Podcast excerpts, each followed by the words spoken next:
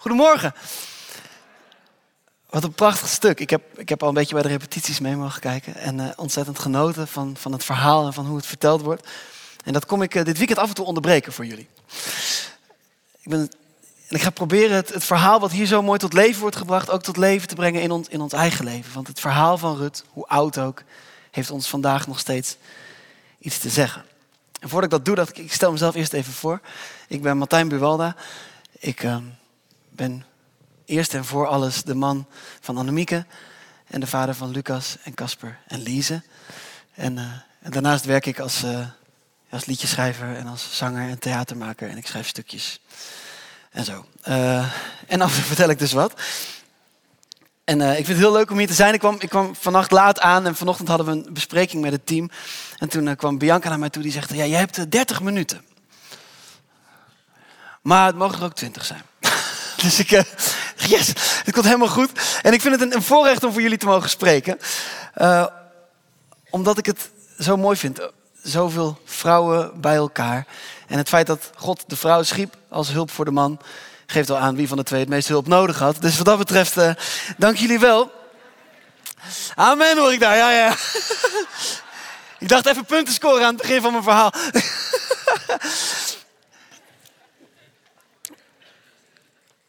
Prachtige zusters. Het verhaal van Rut. En we gaan daar het hele weekend doorheen. En ik zal proberen jullie daar wat meer in mee te nemen. Maar ik wil het stukje nog even lezen zoals het in de Bijbel staat. De schermen blijven uit, dus je kunt gewoon lekker je concentreren op het verhaal en op wat er verteld wordt. In Rut 1, vers 19 tot 22 staat. Zo gingen zij samen verder tot in Bethlehem. Hun aankomst in Bethlehem baarde veel opzien. Overal in de stad riepen de vrouwen: Dat is toch Naomi? Maar ze zei tegen hen, noem me niet Naomi, noem me Mara. Want de ontzagwekkende heeft mijn lot zeer bitter gemaakt. Toen ik hier wegging had ik alles, maar de Heer heeft mij met lege handen laten terugkomen. Nu de Heer zich tegen mij heeft gekeerd, nu de ontzagwekkende me kwaad heeft gedaan, waarom mij nog Naomi noemen? Zo kwamen ze samen terug uit Moab. Naomi en haar schoondochter Rut, de Moabitische. Ze kwamen in Bethlehem aan bij het begin van de gerstenoogst.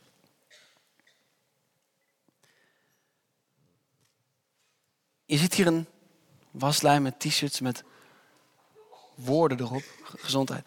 En ik wil met jullie ingaan vanochtend even op de woorden. Op, op drie soorten woorden eigenlijk. En je moet je voorstellen, toen zij, toen zij in Bethlehem kwamen, baarde dat veel opzien, staat er. Ik kan me dat helemaal voorstellen. Naomi was weggegaan met twee zoons, met een man, als een redelijk welvarende vrouw, die op de vlucht sloeg voor de hongersnood in Bethlehem. Ze ging weg, ze ging naar, naar Moab. En in die tijd, kijk, wij, houden ons leven de hele tijd bij, hè? Op, op, op, Facebook en Instagram en Twitter. En wij blijven op de hoogte van alles wat er gebeurt met iemand, ook als die een tijdje in het buitenland is of een tijdje weg is. Maar je, je moet je dus proberen voor te stellen dat die mensen geen idee hadden hoe het, hoe het verder op zich ging met Naomi. Die was gewoon verdwenen en die kwam na een paar jaar ineens weer terug. En ineens ook zonder man. En ineens ook zonder zoons. En ineens met een andere vrouw, die later haar schoondochter bleek te zijn. Voor hen kwam er iemand door de poort en ze hadden geen tussentijdse updates gehad die ze konden liken of zo. Het was ineens een compleet nieuwe situatie. En zij komt binnen en onderweg naar, naar Bethlehem, zoals net al mooi gezegd werd, krijgt ze een knoop in de maag. Wat zullen de mensen zeggen? Hoe, hoe zal het gaan? En dat zijn, de, dat zijn eigenlijk de eerste woorden waar ik met jullie op in wil gaan. Dat zijn de woorden van de mensen om je heen. De woorden van de andere mensen. Wat zeggen die mensen tegen jou? Of wat denk je te horen? Bitter, gefaald, alleen, onrein. Welke woorden hangen er aan jouw waslijn? Welke woorden zijn er in jouw leven tot jou gesproken, waarvan je had gewild dat ze zo van je af waren gegleden? En je doet misschien ook wel net alsof ze zo van je af zijn gegleden natuurlijk. Maar die, die eigenlijk aan je waslijn zijn blijven hangen. En het lukt je maar niet om die er weer af te halen. Want, want ze blijven daar maar steeds hangen. Het zijn steeds die woorden die iets zeggen over wie je bent. De woorden van anderen. En dat zie je hier ook in de stad. En je hoorde het net. Je hoorde de woorden die gezegd werden tegen zowel Rut als Naomi. Woorden van oordeel. De mening van andere mensen die deel wordt van jouw identiteit. En hoe kom je dan terug, hè? Want je bent ooit weggegaan met de hoop van dan ga ik ergens anders een leven opbouwen, dan komt het goed met me. En dan kom je eigenlijk kom je nog kleiner terug dan je weg bent gegaan. Je, het hele verhaal van, van Rut gaat over vol en leeg de hele tijd. Bethlehem, de naam betekent broodhuis. Er was een hongersnood, het was leeg. En nu wordt het weer vol. Naomi, zij ging vol weg met een gezin en een man en een, een geslaagde vrouw. En ze komt leeg weer terug. Maar ook Rut. Rut had een man. Rut woonde in een ander land, had daar een huis, had daar vriendinnen. Misschien wel een vriendinnenweekend. En ze komt alleen met haar schoonmoeder weer terug. Leeg, vol en leeg. En dan, misschien, misschien ben je. Wie, wie is er eerder op een even vriendinnenweekend geweest? Mag eens kijken? Zo. Ik kan beter vragen wie niet. Dat is ongelooflijk. Wauw, oké. Weet je, het, kan net zo, het kan, het kan ook voor jou gelden vandaag. Weet je, misschien zat je vorig jaar op het vriendinnenweekend. Met je vriendin. Was, had je een goede tijd. Waren er toespraken. Was er weer een fantastische band. Heb je genoten van het gezelschap van elkaar. Van het hier zijn.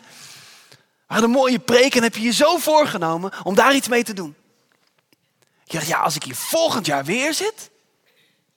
Dan ben ik iemand anders. Dan heb ik dit opgepakt. Dan ben ik veranderd. Dan ben ik, dan ben ik aan de slag gegaan met wat hier gezegd is. En dan heb ik gebeden en heeft God iets wonderlijks in mijn leven gedaan. Misschien ben je een tijdje weg geweest en is dit jouw Bethlehem. Misschien kom je nu wel terug. En als je heel eerlijk bent en je kijkt in jezelf, moet je misschien wel de conclusie trekken dat je helemaal niet zo bent teruggekomen als je heel graag had gewild. Dat je hoopte vol terug te komen. Met verhalen van het is me gelukt hoor. Het is echt veranderd. Ik voel me echt een betere moeder. Ik kan echt beter omgaan met mijn alleen zijn. En echt een betere vrouw, denk ik. Ik ben een betere christen. Misschien zit je hier en denk je, ja, gefaald. Ik zou het wel willen zeggen, maar het is me niet gelukt. Misschien ben je vol hoop weggegaan de vorige keer en ben je leeg teruggekomen. En ook al is het een fijne omgeving en zijn het lieve mensen hier. Denk je toch, wat zouden ze dan denken? Wat, wat, wat zouden de woorden van de anderen dan zijn? Soms niet eens de woorden die ze uitspreken hoor. Nee, want dat, dat, dat gaat recht in je gezicht, daar kun je dan nog iets mee. Maar wat zijn de woorden die niet uitgesproken worden, maar die je leest in de ogen van de ander? Niet alleen hier, maar op het schoolplein. Op je werk. Als het je net niet gelukt is om aan je eigen maatstaven te voldoen. En je hebt het idee dat de rest van de wereld dat ook ineens ziet. Je waslijntje kan zomaar gevuld raken met allemaal woorden van anderen. En het kan je zomaar heel lang niet lukken om die er weer vanaf te krijgen. Dat zijn heel hardnekkige wasknijpers. Wasknijpers waar het woord oordeel op staat. Die krijg je niet zomaar meer los. Je ziet dat ook in dit verhaal gebeuren. Zowel bij Naomi als bij, als bij Rut trouwens. En dat, dat staat er. Haar schoondochter Rut, de Moabitische. Dat staat er nog even genoemd. Nog even van, ja, maar ze is niet van hier. Ze hoort hier eigenlijk niet thuis. Dat lijkt een soort aanduiding van iemand, waar, waar, waar kom je vandaan? Weet je wel? Maar het, het is eigenlijk gewoon, ja, die Marokkaan. Die allochtoon. Die vluchteling. Die gelukzoeker. Het, is eigenlijk een totale disqualificatie van haar als persoon. Terwijl ze juist naar een plek is gegaan waar ze een nieuw thuis wil vinden. En daar op de plek waar ze een nieuw thuis wil vinden, wordt ze weggezet als vreemdeling. Beetje gek. Die hoort hier niet. Die komt, nu de hongersnood voorbij is, komt ze hier ons brood opeten. Ja, dacht ze. Met de schoonmoeder. Makkelijk linkje. De woorden van anderen.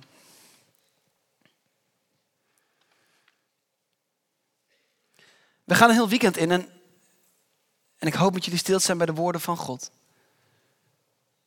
Maar als je iets van die waslijn wil halen bij jezelf, is het misschien goed om, om jezelf eens na te gaan. Wat, wat zijn die woorden die aan mijn waslijn hangen? Wat zijn de woorden die anderen hebben gesproken, of die ik denk dat anderen hebben gesproken, die aan mijn waslijn hangen, die ik er maar niet vanaf krijg. Waarom lukt dat nou niet?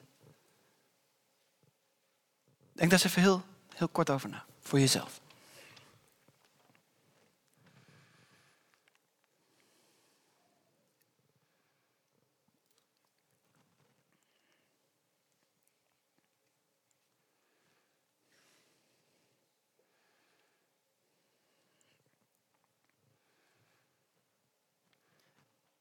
Dat zijn de woorden van de ander. Maar zijn ook woorden van jezelf. Net zoals in dit verhaal Naomi ook woorden van zichzelf over zichzelf uitspreekt. Noem mij niet langer Naomi. Waarom mij nog Naomi noemen nu de Heer zich tegen mij heeft gekeerd? Dat is wel de ultieme troefkaart, hè? En, ze, en het, ze heeft een pittig leven gehad. Laten we niet doen alsof, alsof, het, alsof ze zich aanstelt of zo. Ze had een huwelijk, ze had zoons, ze, had een leven ergens anders opgebouwd en ze komt terug als, als, als een soort uitgekotste vrouw door haar eigen volk. Op de vlucht bijna. Zou mijn huis nog leeg staan? Hoor ik hier nog wel? Is er nog plek voor mij binnen deze muren? Ze is alles kwijt. Ze is haar zoons kwijt. Ze heeft nog één schoondochter over en de kleren die ze aan heeft. En dan dan spreekt ze over zichzelf uit. Noem mij niet langer de lieflijke. Noem mij niet langer Naomi. Maar noem mij Mara. En Mara betekent bitter. En dat is voor ons, nou, oké, Mara, aparte naam. Je ziet wel meer aparte namen op geboortekaartjes trouwens, ze worden steeds creatiever. Man, hè. Ja, ik zit in die levensfase. Dat je een soort geboortegolf om je heen krijgt. En dat je regelmatig op kraamvisite moet met HEMA-rompertjes en dat soort dingen. En dan zit ik altijd heel leuk bij te lachen. Oh, wat een leuk kind. En wat leuk ook dat het niet mijn kind is. Ja. Um, de meest vreemde namen op geboortekaartjes. Uh, wij, zijn, wij, zijn, zelf net uit de luiers namelijk. Dat verklaart het een beetje. Yes! Hoor je, ja, ik word nog wel vier keer per nacht wakker. God, vervelend voor je. Heb ik net gehad. Maar dus voor ons kan Mara gewoon een naam zijn. Gaf, oh ja, bitter, Mara. Oké, dat betekent dan bitter. Dat is vervelend als je jezelf zo gaat noemen. Maar, maar er zitten twee diepere lagen aan die naam. En de eerste, de eerste laag is dat Mara, dat, dat de Joden, de, de, de vrouwen tegen wie ze dat zei in de stad, die wisten heel erg goed wat er met Mara bedoeld was. De Joodse cultuur is een vertelcultuur. Zij vertellen dingen aan elkaar door. Er gaan verhalen rond. Zo is het verhaal van Rut ook ooit eerst doorverteld en toen pas opgeschreven. En in die verhalen zit een moraal en zitten zit, zit lessen om te leren voor het hele leven. Lessen die we nu gewoon hier vandaag, 2018, nog steeds, nog steeds tot ons kunnen nemen. En alle Joden wisten dat Mara een bijzondere plek had in de, in de cultuur van de Joden. Want Mara was de plek waar het Joodse volk naartoe was gegaan toen ze op de vlucht waren uit Egypte. En toen kwamen ze bij een bron. Een bron en dan dachten ze eindelijk drinken zijn naar die bron, eindelijk drinken. En daar bleek het water bitter. En die plek noemde het volk vanaf toen Mara. De plek van het bittere water. En dat is de plaats waar het volk begon te klagen. Ze liepen te hoop tegen Mozes. En ze zeiden, waren we maar in Egypte gebleven, dan hadden we tenminste drinken en eten. Waren we maar in onze oude situatie gebleven, want daar, daar was het zoveel makkelijker. Ja, we hadden het niet makkelijk, maar nu, nu zitten we in de woestijn met een bron met bitter water. En Mozes pakt een stuk hout, moet hij van God, smijt het in het water. En dan, dan wordt het water weer te drinken. Maar het is de plek van verbittering. Het is de plek van de klacht. En, en Naomi speelt hier de ultieme troefkaart. Die zegt, God heeft mij verstoten. En dat is precies wat het volk ook deed daar. Zij, zij identificeert zich hier met dat volk en zegt eigenlijk, sta ik in de woestijn van mijn leven, had ik gehoopt water aan te treffen. En alles wat ik vind is bitterheid. Noem mij niet langer de lieflijke, noem mij bitter. Dat is de eerste laag onder Mara, de, de laag die alle Joden kenden. Dat was een bekende plek, dat ging ergens over. En de tweede laag is dat ze zichzelf die naam geeft. Woorden van een ander, dat gebeurt nog ergens buiten jou om. Ook al raakt het je ook van binnen. En heus niet alleen vrouwen hoor, dames. Mannen ook. Wat heb ik veel woorden in mijn leven gehoord Waarvan ik dacht, ach, valt wel mee. Stoere vent. En lag ik s'avonds in bed en dacht ik, waarom zeggen ze dat eigenlijk? Zou het echt zo zijn? Klopt het dan? En heel langzaam zijn, heb ik ook bepaalde woorden aan mijn waslijntje gehangen. Dus ik herken dit wel.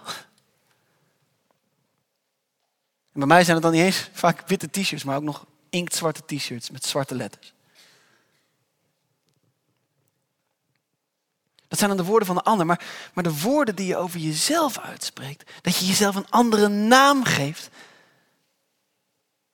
Dat je zegt, ik, ik beteken niet langer de lieflijke. Ik ben niet langer zoals ik ooit geboren ben. Mijn naam, Martijn, betekent geschenk van God. Dat weet ik. Dat hebben mijn ouders mij verteld. En daar hebben ze een goede gewoonte van gemaakt. Dat hebben ze heel vaak aan mij verteld. Daar ben ik ze heel dankbaar voor. Maar dat heeft iets met me gedaan. Dat heeft mijn naam een bepaalde lading gegeven. Dat ik dacht, oh wauw, misschien is het wel zo. En toen ik namen voor mijn kinderen uitzocht, samen met mijn vrouw, hebben we heel bewust nagedacht van wat, wat voor namen geven we hen? Wat betekenen die namen dan? Je naam is zo verbonden met je zijn. En als je dan zelf zegt, dit ben ik niet meer. Ik ben niet meer de lieflijke, ik ben de bittere. Dan is er iets fundamenteels omgeslagen in jezelf. Dan kun je jezelf niet meer zien zoals je ooit bedoeld bent. En dan is dit waslijntje nog wel te doen hoor. Voor mensen die zeggen, ja maar eigenlijk ben ik dit niet meer. Ik was ooit vrolijk, ik was ooit blij. En nu, noem me maar bitter. Want de Heer zelf heeft zich tegen mij gekeerd. Misschien bid je al heel lang voor iets. En denk je, ja, de Heer heeft zich ook tegen mij gekeerd. Het gebeurt maar niet. Het gebeurt maar niet in mijn eigen leven persoonlijk. Het gebeurt maar niet in mijn geloofsleven. Het gebeurt maar niet in mijn huwelijk. Het gebeurt maar niet in mijn kinderen. Want ja, ik had zo mijn best gedaan om ze als christen op te voeden. En ze doen nu iets heel anders. Het lukt maar niet. Noem mij maar bitter of gefaald. De woorden van de ander en de woorden van jezelf. Maar er is een derde categorie woorden. Dat zijn de woorden van God. Daar moest ik even naar zoeken in het verhaal. Misschien u ook wel.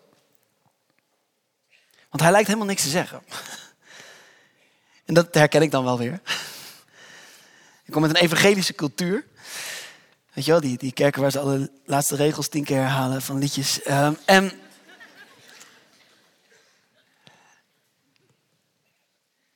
En, en daar heb ik zo vaak verhalen gehoord, al vanaf dat ik jong was. Hè? Dan had je getuigenissen bij het dopen. We hadden dan doopdiensten, dan zetten ze zo'n eh, zo'n zwembad vooraan. En dan, eh, en, en dan mochten mensen ook vertellen, zeg maar, wat God in hun leven had gedaan.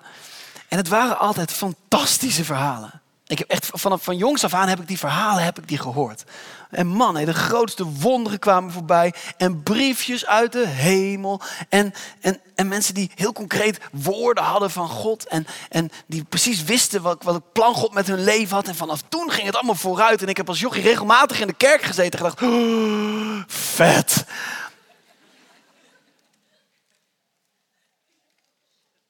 En op een gegeven moment voor iemand, moet jij je ook niet eens laten dopen?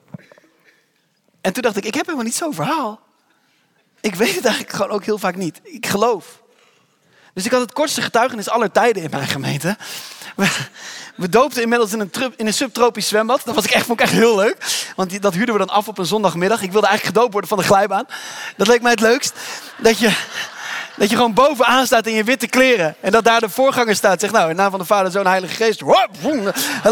Ja, dat had ik echt geweldig gevonden, weet je wel. Maar dat mocht niet.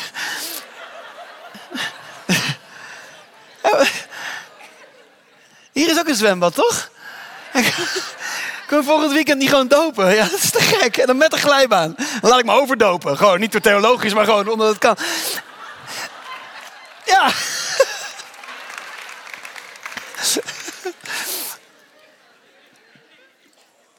Maar goed, ik liet mij dus dopen in het golfslagbad, heel gewoon. En En naast mij stonden weer mensen met fantastische getuigenissen. Ik had pech, ik stond naast een drugsverslaafde, dus die had een fantastisch verhaal. En...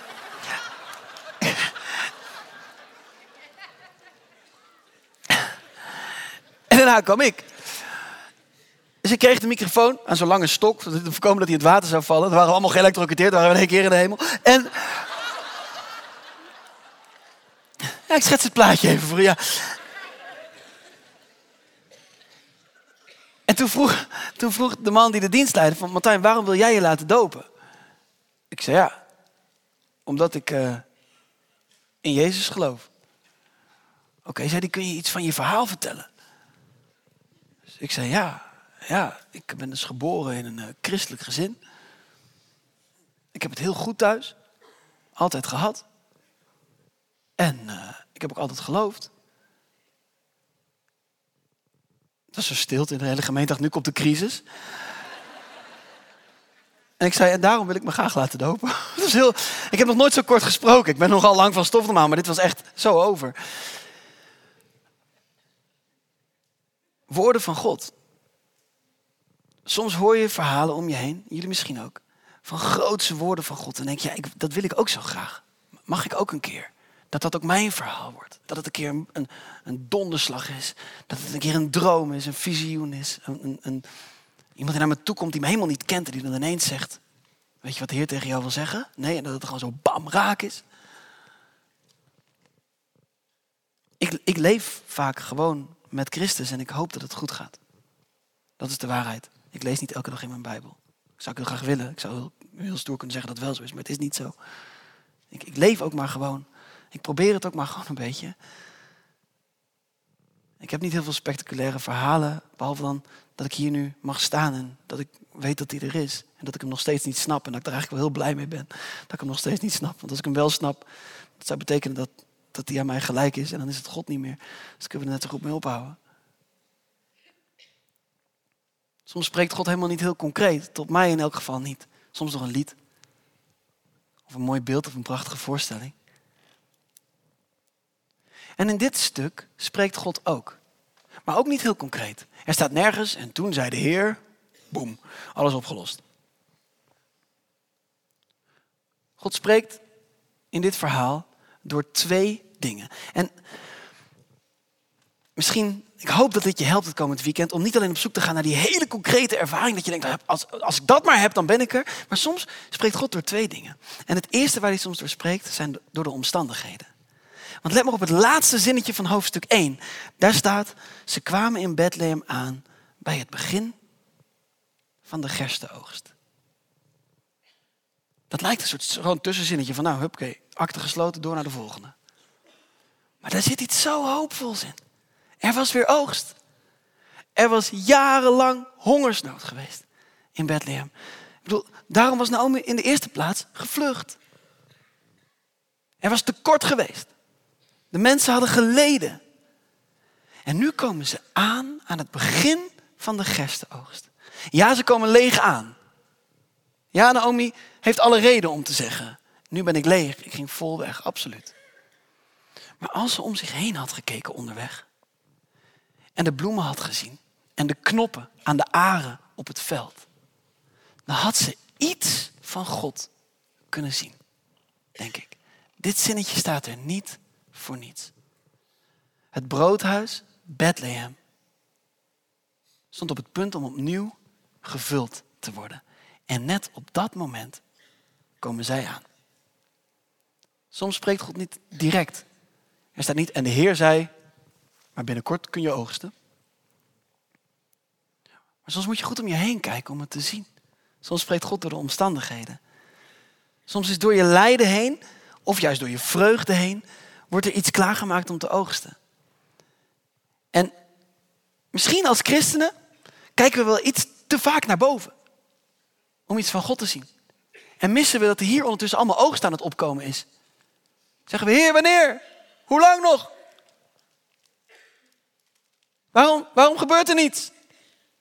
Hallo? Hallo? Oh. Aren? Oogst? Overvloed. God heeft ervoor gekozen zich zo klein te maken, letterlijk, letterlijk in Jezus. Door, door onder ons te komen wonen. Dus in plaats van altijd naar boven te kijken, kijk soms eens om je heen. God spreekt soms door de omstandigheden. Door hele kleine bijzinnetjes die iemand net tegen je zegt.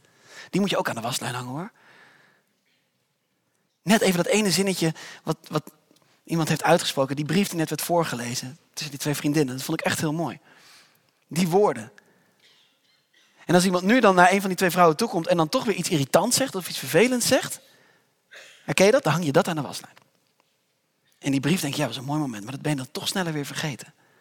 Vergeet niet die omstandigheden, die kleine bijzinnetjes, die knipoogjes, die ook aan de waslijn hangen. Dat helpt al. God spreekt door de omstandigheden, maar God spreekt op nog een manier. De woorden van de ander, de woorden van jezelf en de woorden van God. God spreekt namelijk ook door wat hij niet zegt. En dat geldt zeker voor dit verhaal.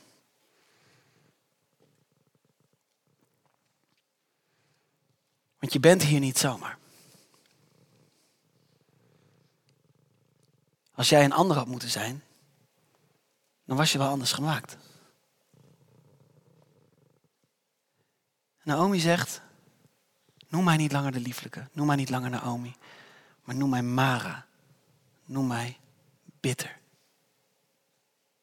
En Naomi leeft in de veronderstelling dat zij zelf kan bepalen wie zij is. Maar als je de rest van het verhaal leest, en we gaan het weekend helemaal doorheen, dus je gaat het zien. Ik geef het vast weg. Noemt niemand haar Mara. Ze blijft door het hele verhaal heen Naomi heten. En ze had nog zo gezegd. Vanaf nu, noem me maar Mara. Dat gebeurt gewoon niet. Ook God niet. Ook God niet. Noem me maar Mara, noem me maar bitter. Ah, besodemieterd. Je bent mijn dochter. En dan ga ik jou zeker noemen zoals jij wil. Ik heb hele andere woorden voor je. Ik had de lieflijke bedacht. Dat vind ik eigenlijk veel mooier. Dus dan kun je nog zo hard roepen, noem mij maar Mara. Noem mij maar bitter. Je kunt nog zo hard je, eigen woorden over jezelf uitspreken of de woorden van anderen jezelf toe-eigenen. En zeg, ja, dit ben ik eigenlijk echt, want iedereen zegt het. Ik ben ook raar. Ik ben ook gefaald. Ik had ook een betere vrouw kunnen zijn, een betere vriendin, een betere moeder, een betere collega, een betere ik, een betere christen, een betere sowieso. Ik had sowieso een betere kunnen zijn. Dat kun je wel over jezelf zeggen. En dat kun je wel van jezelf vinden. En je kunt wel zeggen van ja, noem mij dan maar Mara. Of noem mij dan maar, nou vul het maar in voor jezelf. Vul het woord maar in voor jezelf waarop je zegt ja, als ik, als ik heel eerlijk ben, als ik in de spiegel kijk, Noem mij maar. En ik vind het, het ontzettend hoopvolle in dit verhaal is dat God spreekt door wat hij weigert te zeggen.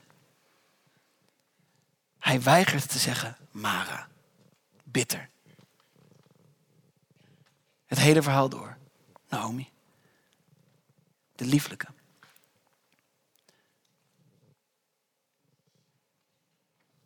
De waslijn van jouw leven voor God is gevuld met hele andere woorden dan die jij erop hebt gehangen. En soms hang je de shirts misschien wel over die andere woorden heen. En doe je net of ze er niet zijn. Maar ik geloof met heel mijn hart dat er een God is. Die zegt wat jij over jezelf zegt. Dat doet me wel wat. Dat doet me ook wel pijn. Als dat woorden zijn die ik niet voor je bedacht heb. Maar dat wil niet zeggen dat ik me aan jouw plan ga houden. Ik heb andere woorden voor je. Ik vind je de lieflijke. En ik noem jou gewoon stevast Naomi. Ik ga door met mijn woorden voor jou. En um, daarmee wil ik straks verder met jullie gaan in het verhaal. Of je nou leeg aangekomen bent of vol. Of je je nou lieflijk voelt of bitter. Hoe je hier ook zit. Wat jouw eigen woorden over jezelf ook zijn. Er is iemand die jou bedacht heeft. En die heeft woorden van leven voor jou. Die heeft mooie namen voor jou. Die heeft woorden die echt bij jou passen voor jou. En die weigert mee te gaan in woorden die jou geen recht doen. Want hij houdt van je En hij heeft helemaal geen behoefte aan een waslijntje van oordeel. Daar heeft hij ooit een kruis tegenover gezet en gezegd, en nu is het genoeg.